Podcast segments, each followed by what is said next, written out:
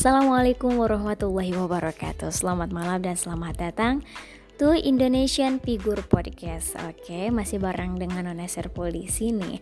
Bedanya di podcast aku kali ini Aku bakal kembali menceritakan kehidupan dari sosok-sosok yang luar biasa. Yang pastinya ini bakal menginspirasi kita semua Lewat cerita kehidupan beliau semua Buat listener yang belum tahu Nona Serpul, salam kenal ya. Nona Serpul ini lahir di Majalengka 17 Agustus 1999 Jadi buat kalian yang udah tahu, ya udah Hai, aku sapa buat kalian semua. Oke, di episode pertama kali ini aku bakalan ngulas kembali kehidupan dari tokoh doktor ilmu komunikasi pertama di Indonesia. Nah, buat anak Fikom pasti udah nggak asing lagi ya di telinga kalian siapa sih beliau. Tapi buat kalian semua juga yang belum tahu nggak apa-apa, kita sama-sama berbagi ilmu ya. Semoga podcast aku bisa bermanfaat buat kita semua. Oke, baik listeners, Kepedihan dalam hidup itu adalah suatu bentuk cobaan yang Tuhan anugerahkan untuk semua hambanya. Karena kepedihan dalam hidup itu adalah salah satu bahan pembelajaran. Karena memang ilmunya itu gak bakal kita dapat di bangku sekolah. Dalam kondisi apa pun kondisi yang serba tidak ada pun itu bakal terus melatih kita menjadi seseorang yang kuat menjadi pribadi yang mandiri yang tangguh, yang tak patah semangat. Karena memang orang-orang yang sukses itu terlahir karena memang dia pedih dan merasakan kepahitan dulunya. Untuk kita semua, semoga kisah dari doktor ilmu komunikasi pertama di Indonesia ini dapat menginspirasi kita semua. Halo listener, sebelum aku memulai uh, menceritakan kisah hidup sosok yang satu ini, diharapkan kalian semua udah pada megang cemilan masing-masing ya. Terus jangan lupa dengerinnya pakai headphone. Kalau nggak pakai headphone ya udah pakai headset aja seadanya ya. Biar suaranya kayak di bioskop gitu loh dan kalian tuh fokus ngedengerinnya ke aku aja. Aku nggak suka ya kalau aku diduain dengan yang lain. Apaan sih ya? Oke, aku gak bakalan lama-lama langsung aja aku mulai ceritain sosok inspiratif dari toko yang satu ini. Doktor ilmu komunikasi pertama di Indonesia. Beliau bernama lengkap Muhammad Alwi Dahlan, lahir di Padang pada hari Senin 15 Mei 1993. Beliau ini juga berjodiakan Taurus. Bapak Alwi Dahlan ini adalah putra dari Dahlan Syarif Datuk Jungjung, seorang bupati di kantor gubernur Sumatera Tengah. Oke, Bapak Alwi Dahlan itu adalah seorang tokoh politik di Indonesia dan salah satu guru besar dalam bidang ilmu komunikasi di Fakultas Ilmu Sosial dan Ilmu Politik di Universitas Indonesia. Aduh, masya Allah. Jadi listeners, Bapak Alwi ini hidup di tiga zaman. Di zaman penjajahan Belanda, di zaman penjajahan Jepang, dan juga di zaman kemerdekaan. Kebayang gak sih hidup di zaman penjajahan? Aduh, kayaknya keras banget kehidupan deh. Dan Bapak Alwi Dahlan ini sedari kecil tuh suka banget ngegambar dan menulis. Tapi karena saat itu tuh nggak ada buku tulis nggak ada pensil nggak kayak kita sekarang tuh. Kita kan sekarang udah ada buku tulis buku gambar ada pensil warna ada spidol ada marker. Marker apa tuh berwarna-warni kayak gitu? Ya spidol lah. Ada buku curhat. Zaman beliau tuh nggak ada. Dan beliau tuh menyalurkan kegemaran menulis dan menggambarnya itu dengan mencoret-coret di atas tanah. Jadi guys, Bapak Alwi ini hidup di tiga zaman. Di zaman penjajahan Belanda, di zaman penjajahan Jepang dan juga zaman kemerdekaan. Bapak Alwi luar biasa merasakan kepahitan hidup di zaman penjajahan Belanda dan Jepang. Luar biasa Bapak mantul. Dan memang ya guys waktu kecil eh waktu kecil ya sedari kecil tuh beliau memang gemar banget menulis dan menggambar. Dan memang saat itu belum ada buku tulis maupun pensil ya nggak kayak kita nggak ada buku gambar nggak ada buku tulis nggak ada pensil gak ada catatan buku curhatan binder segala macam gak ada. Tapi beliau tuh masih aktif menulis kegemarannya menulis menggambar tuh ya beliau tuangkan di atas tanah. Sama seperti penulis novel Harry Potter ya beliau juga kan mengawali karirnya sebagai penulis tuh ya awalnya nulisnya di atas tanah. Menulis skenario Harry Potter tuh di atas tanah sampai akhirnya ke di atas daun. Terus sampai akhirnya beliau berhasil membukukan novel Harry Potter dan berhasil mengangkat novelnya itu ke layar lebar luar biasa guys. Oke okay, back to Mr. Alwi Dahlan ya dan semasa kecil tuh beliau aktif banget ya setiap abis subuh tuh lari-lari bareng kawan-kawannya buat ngikutin senam pagi bareng tentara Jepang. Itu tuh kenapa sih tiap hari beliau ikut uh, senam terus? Beliau tuh pengen ngeburu sabunnya itu loh. Karena memang pada zaman itu tuh sabun nggak nggak tersedia buat umum sabun mandi tuh. Jadi beliau tuh ya caranya biar dapet sabun gratis tuh ya mengikuti senam pagi bareng tentara Jepang biar dapat sabun mandi ukuran besar buatan Jepang. Cerdas sekali ya, Bapak. Nah, semasa sekolah Bapak Alwi itu selalu berangkat dengan berlari-lari. Karena kenapa? Karena memang zaman itu tuh sistem pendidikannya yang berlaku saat itu cukup keras ya bayangin aja guys. Itu di zaman penjajahan Belanda. Zaman penjajahan Jepang gimana nggak keras ya nggak sih?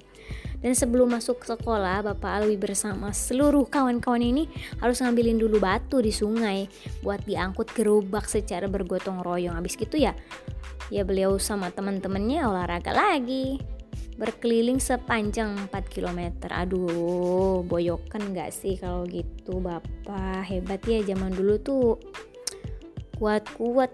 Memang dicetaknya untuk menjadi orang-orang yang kuat. Nggak kayak kita ya. Kita mah dikit-dikit di zen pundung. Ya gue banget tuh. Bapak Lui menyelesaikan sekolah dasarnya di Padang. Terus melanjutkannya kayaknya sih SMP dan SMA ini di Bukit Tinggi.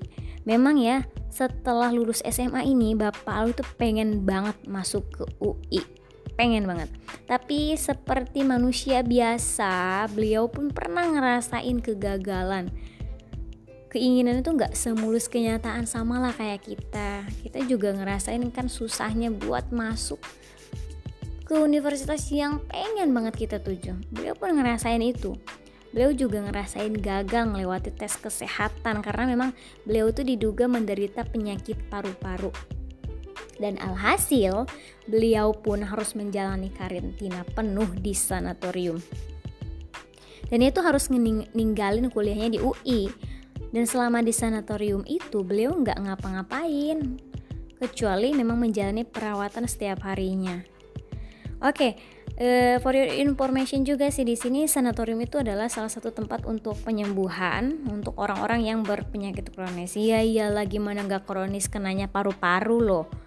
Aduh. Namun kondisi ini membuat Alwi ya nggak berdaya nggak sih orang sakit nggak ngapa-ngapain sedangkan ke keinginan beliau kan tinggi terus beliau di sana sakit gak ngapa-ngapain ya tentu bete gabut gak jelas kita aja kan semasa corona di rumah aja. Bete nya masya allah. Gabut. Coba deh beliau hidup di zaman kita. Ada tiktok. Kan bisa tiktok kan lah ini bapaknya. Di zaman beliau kan kagak ada tiktok kagak kagak ada facebook kagak ada ig yang ngapain di sana? Ya nggak sih? Sampai akhirnya beliau tuh eh uh, rungsing banget tiap hari tuh beliau aduh gue mau ngapain di sini? Gini-gini aja gue mau jadi apa? Tiap hari beliau kayak gitu ngomongnya. Sampai akhirnya beliau itu sadar gitu loh. Dia tuh nggak bisa terus-terusan kayak gini gitu. Dan akhirnya masa kecilnya itu kembali muncul di pikiran beliau. Beliau tuh mikir keras iya ya waktu kecil aja aku tuh bisa gitu mampu menjalani kehidupan yang sulit serba sulit aku bisa gitu. Masa sekarang aku udah gede tapi aku nggak bisa uh, men, apa namanya menghadapi kesulitan ini. Akhirnya ketika ia kembali mengingat masalah masa kecil beliau beliau langsung nih jiwanya tuh nguat lagi pikirannya kembali jernih lagi. Karena memang beliau udah menerima gitu beliau sadar. Karena berada di sanatorium ini bukanlah pilihannya, melainkan memang kenyataan yang harus ia terima dengan lapang dada. Dan keadaan yang seperti ini tuh nggak boleh pokoknya menghalangi beliau untuk terus berkarya dan meraih keinginan. Akhirnya, kesadaran dan tekad ini bangkit lagi nih membangkitkan Mr. Alwi menjadi seseorang Alwi yang jauh lebih baik akhirnya beliau tuh kembali beraktivitas nih karena beliau memang dari kecil kan suka banget ya nulis sama ngegambar tuh akhirnya beliau juga uh, menyadari gitu oh kayaknya bakat aku nih ada di dunia menulis nih gitu. Lalu itu iseng-iseng tuh uh, bikin-bikin kayak hmm, apa tuh tulisan-tulisan gitu loh. Ya mungkin kalau zaman sekarangnya kayak curhat gitu loh curhat. Beliau tuh uh, nulis-nulis gitu menyalurkan segala emosi yang berkecamuk di pikirannya dengan menulis selama di sana dan beliau pernah menulis surat yang ditujukan untuk ketua dewan mahasiswa di UI dengan judul Never Say Die. Dan itu berhasil dimuat di halaman depan koran mahasiswa UI. Wow, mantul guys. Di halaman depan guys. Koran guys. Zaman dulu kan koran kayak aduh apa ya kayak luar biasa banget ya. Kalau sekarang kan memang udah ada gadget ada TV segala macam itu nggak kayak biasa aja. Cuman kan zaman dulu aduh luar biasa banget itu bapak. Dan ini nih berhasil menjadi topik utama bayangin guys sesosok Alwi Dahlan yang lagi sakit tapi bisa karyanya ini masuk ke topik utama. Inspirasi nggak sih dia? Eh dia beliau. Secara gitu loh beliau lagi sakit tapi masih aja beliau tuh kepikiran buat berkarya dan akhirnya Bapak Alwi Dahlan ini berhasil menginspirasi mahasiswa lainnya dengan tulisannya dan berhasil membakar semangat para mahasiswa dengan tulisan-tulisan Mr. Alwi. Nah, selepas uh, selesai di karantina, beliau tuh tertarik dengan program beasiswa National Student Leadership. Nah, proyek ini apa sih sebenarnya ya? Jadi proyek ini tuh berlaku untuk satu tahun aja gitu dan merupakan program khusus untuk uh, para pemuda dari negara yang baru merdeka. Jadi beasiswa ini ya khusus buat salah satunya buat Indonesia sih, buat belajar ke luar negeri gitu. Akhirnya uh, Bapak Mr. Alwidalan ini menggebu-gebu pengen banget dapetin beasiswa itu soalnya kan memang peluang besar ya soalnya kan beliau juga kan hobi menulis beliau udah menjadi ya kayak jurnalis lah gitu kan di sananya. Akhirnya atas kerja keras beliau akhirnya beliau terpilih menjadi penerima beasiswa. Aku suka mikir aja gak sih? Aku mah kalau misalkan sakit tuh ya nggak bisa ngapa-ngapain nggak bisa berpikir jernih kecuali kita ya rebahan ya bukan rebah sih kayak terbentang di atas kasur dan pasrah aja gitu loh. Nggak kepikiran sih harus nulis apa segala macam kayaknya otak aku beku dari situ gitu. Beda banget ya sama bapak Alwi Dahlan yang beliau kan lagi sakit kronis paru-paru tapi masih aja gitu. Otaknya mikir. Sampai-sampai ya seluruh mahasiswa di UI itu terinspirasi gitu dengan tulisannya beliau mantul gak sih guys itu guys. Ya kalian juga pasti ngerasain kayak gitulah ya. Ketika kalian sakit ya yang kalian rasain ya udah sakit dan cuman bisa berbaring di atas tempat tidur doang. Makan disediain. Gak berpikir sampai ke sana-sana tapi pasti ada sih. Eh dari kalian juga yang meskipun sakit gak ngerasain rasa sakitnya dan masih tetap beraktivitas seperti biasa itu kalian mantul banget pokoknya good buat kalian semua yang masih produktif meskipun dalam keadaan sakit sampai kayak bapak Mr. Alwi Dalan nih selesai uh, beliau sembuh dari sakitnya beliau ngelihat beasiswa di luar sana buat uh, kuliah di luar negeri beliau langsung ikut langsung menggubu-gubu. Pokoknya beliau pengen banget keluar, uh, keluar negeri buat kuliah. Sampai akhirnya beliau ya ngedapetin apa yang beliau inginkan gitu. Memang kalau usaha tuh nggak membohongi hasil sih ya. Kita udah usaha lama-lama udah usaha apa namanya susah payah. Pasti Allah juga ngasih yang terbaik buat kita semua gitu sampai akhirnya nih bapak ini berhasil loh dapetin beasiswa ini tuh. Ya susah nggak sih zaman dulu kan memang pilihan ya yang dapetin beasiswa ini tuh nggak semua orang bisa dapetin ini beasiswa ini gitu. Dan for your information jadi di UI ini beliau tuh di jurusan eh di fakultas ekonomi.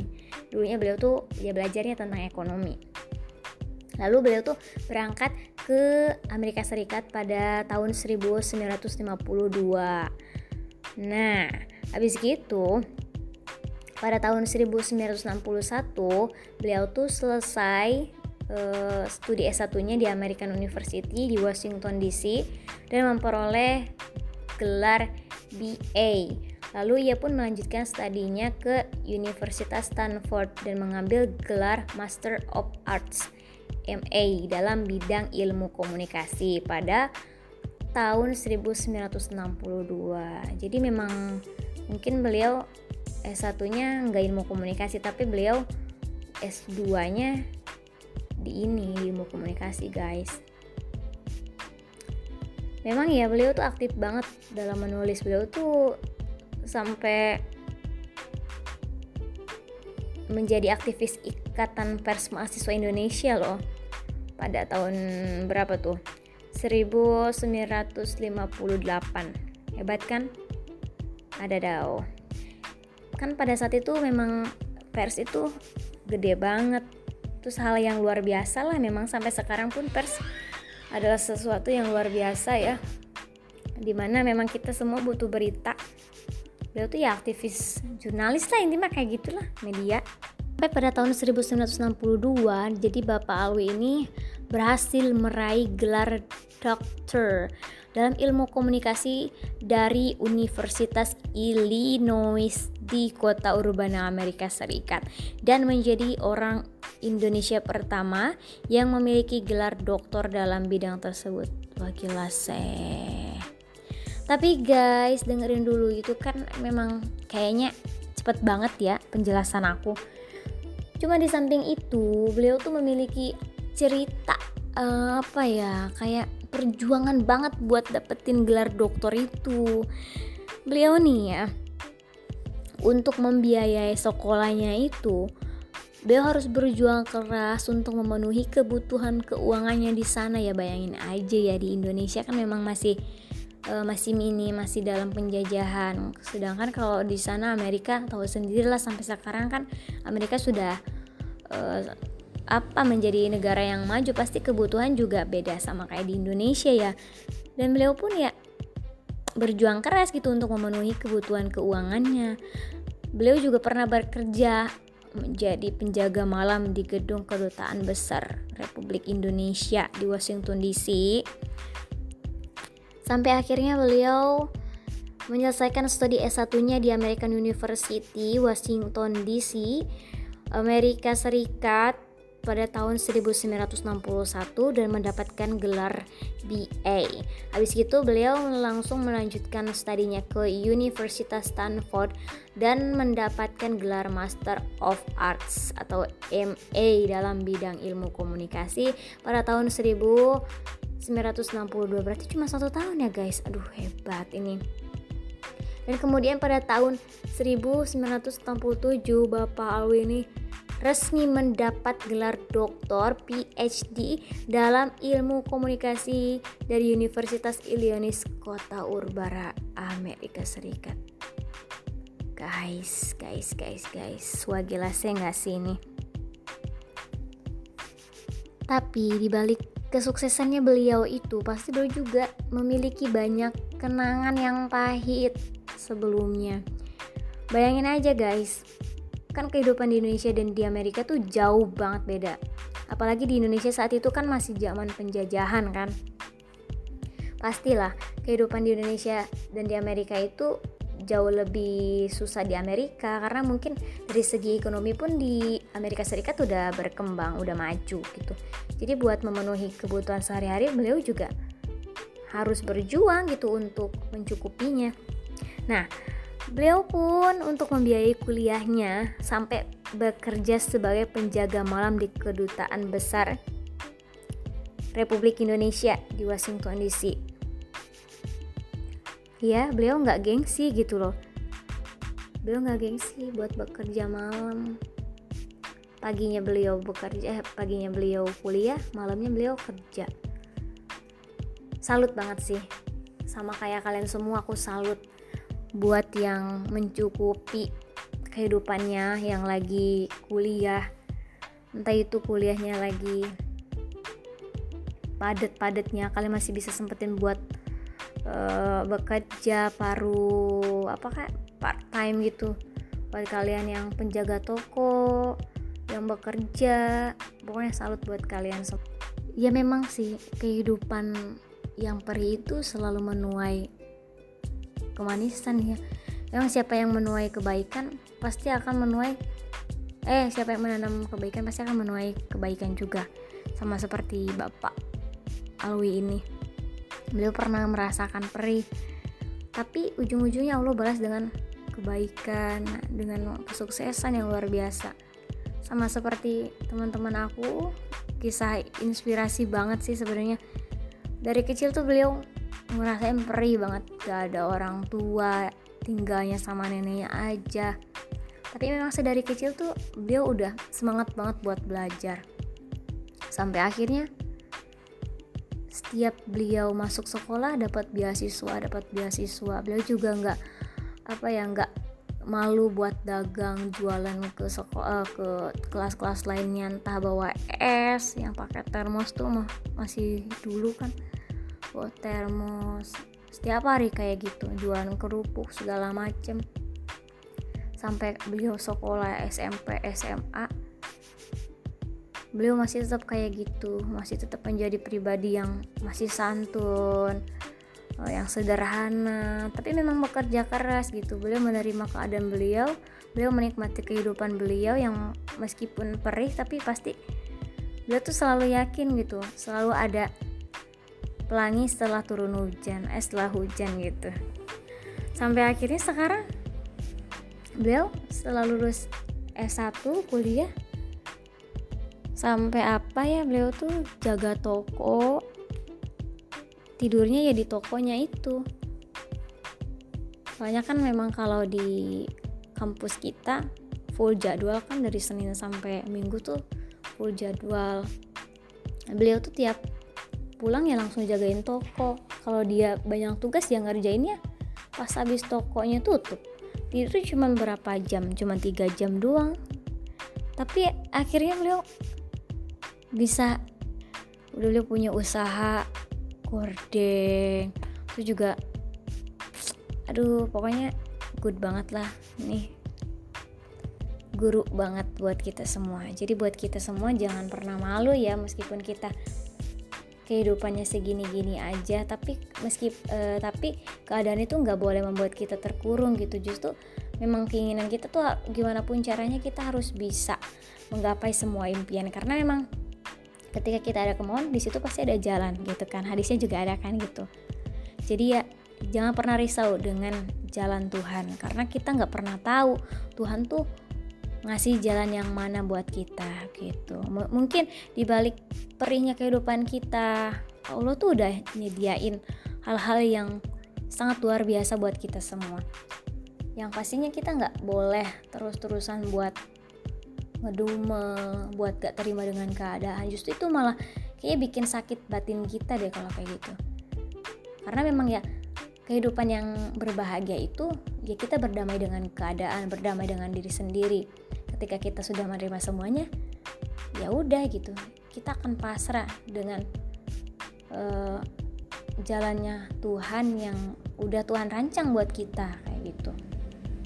Buat kita semua yang masih ngeluh dengan keadaan, buat yang masih ngerengek, gak terima dengan keadaan yang perih. Kita nggak bisa terus-terusan nyalahin keadaan. Memang Tuhan tuh udah rata ngasih kita kehidupan tuh jadi kita harus benar-benar positif, positif thinking bahwa memang benar gitu. Setelah hu setelah hujan pasti ada pelangi. Itu nggak bakalan seumur kita seumur hidup kita bakal terus-terusan dilanda dengan kemiskinan dengan kepedihan. Itu nggak bakalan. Tapi ketika kita sudah yakin dan ketika kita sudah menerima semuanya kita pasti akan dimudahkan dalam segalanya. Seperti Bapak Alwi Dahlan ini beliau sakit-sakitan kan? Beliau sakit paru-paru kronis. Dirawat di sanatorium. Ketika orang lain pasrah dengan keadaan beliau malah positif dengan keadaan. Beliau malah semangat terus mendalami kegiatan kegemaran beliau untuk menulis. Sampai akhirnya tulisannya beliau menjadi trending topik sampai beliau juga bisa keterima di universitas apa tadi di Amerika Serikat dengan bermodalkan beasiswa itu kan udah luar biasa sekali. Sampai akhirnya beliau menjadi dokter ilmu komunikasi pertama loh di Indonesia. Bayangin guys ini inspirasi banget gak sih buat kita? Uh, dan memang sih pasti kalian juga selalu mendapatkan kisah-kisah yang luar biasa tuh didapatkan dari orang-orang yang latar belakangnya itu perih gitu kehidupannya. Siapa pun itu pasti pernah mengalami kepedihan keperihan dalam hidup.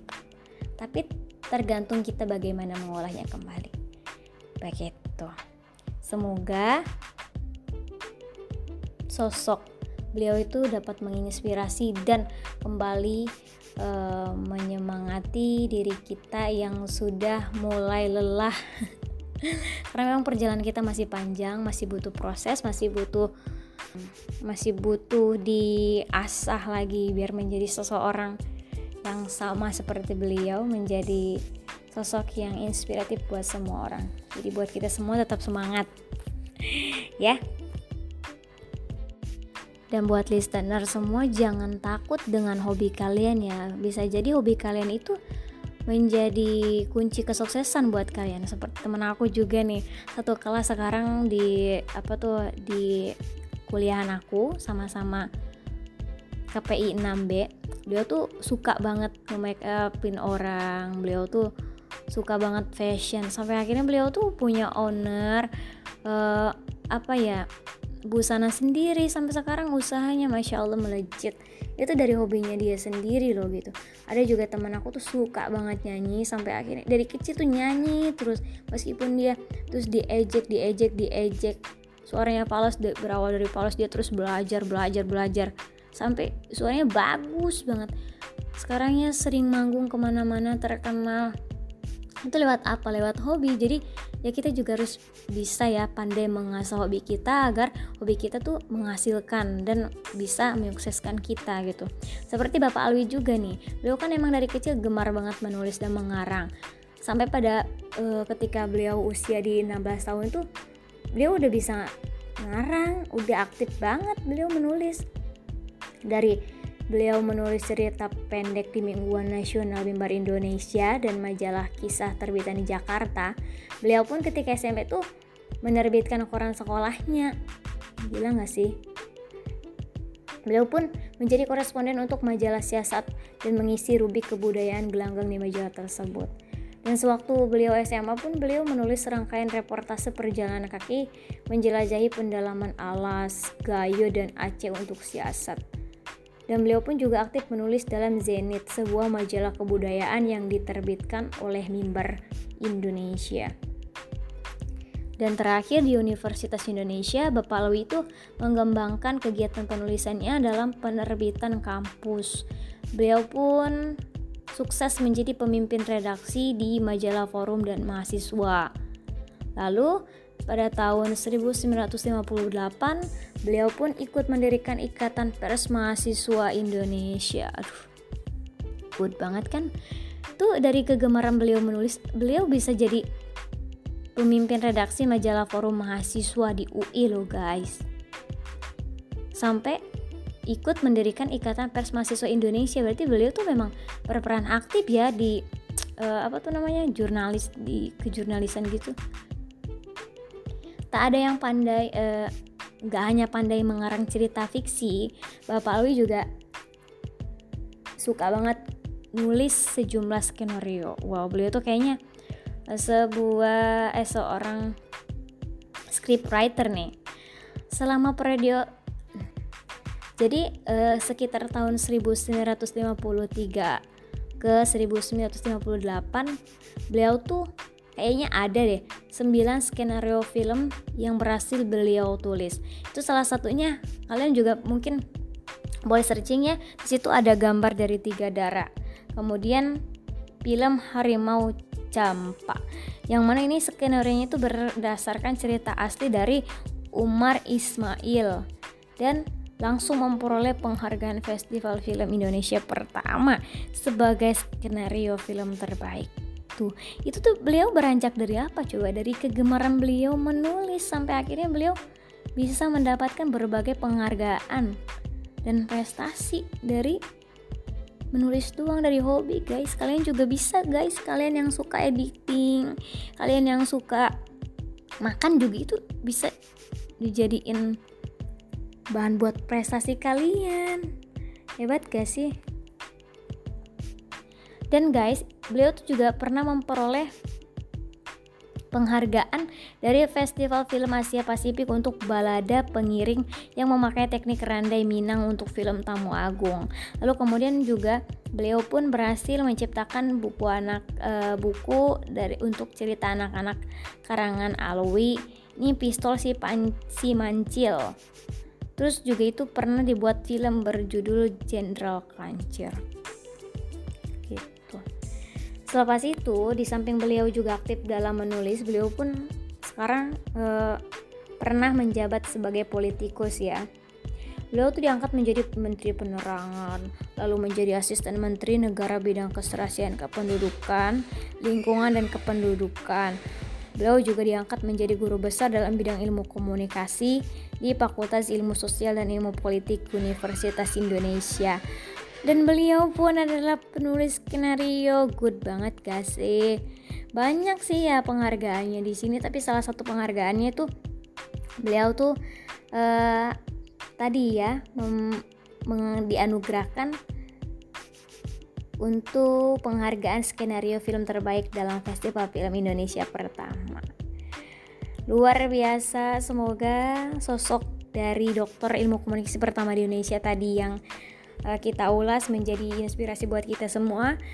Bahwasannya kehidupan yang perih itu enggak pernah mengungkung kita untuk terus-terusan menjadi budak dalam keadaan, melainkan menjadi harimau untuk mengaum dan merubah keadaan menjadi lebih baik. Semoga dapat menginspirasi kita semua. Buat kalian semua, tetap semangat, jaga kesehatan. Jangan lupa untuk terus berikhtiar, berdoa, beribadah Intinya seperti itu. Jangan pernah menyerah dengan keadaan. Kita semua punya kesempatan yang sama untuk menjadi pribadi yang sukses, menjadi pribadi yang tangguh, menjadi pribadi yang luar biasa seperti sosok yang satu ini. Bersama saya, Nona Serpul pamit undur diri. Wassalamualaikum warahmatullahi wabarakatuh.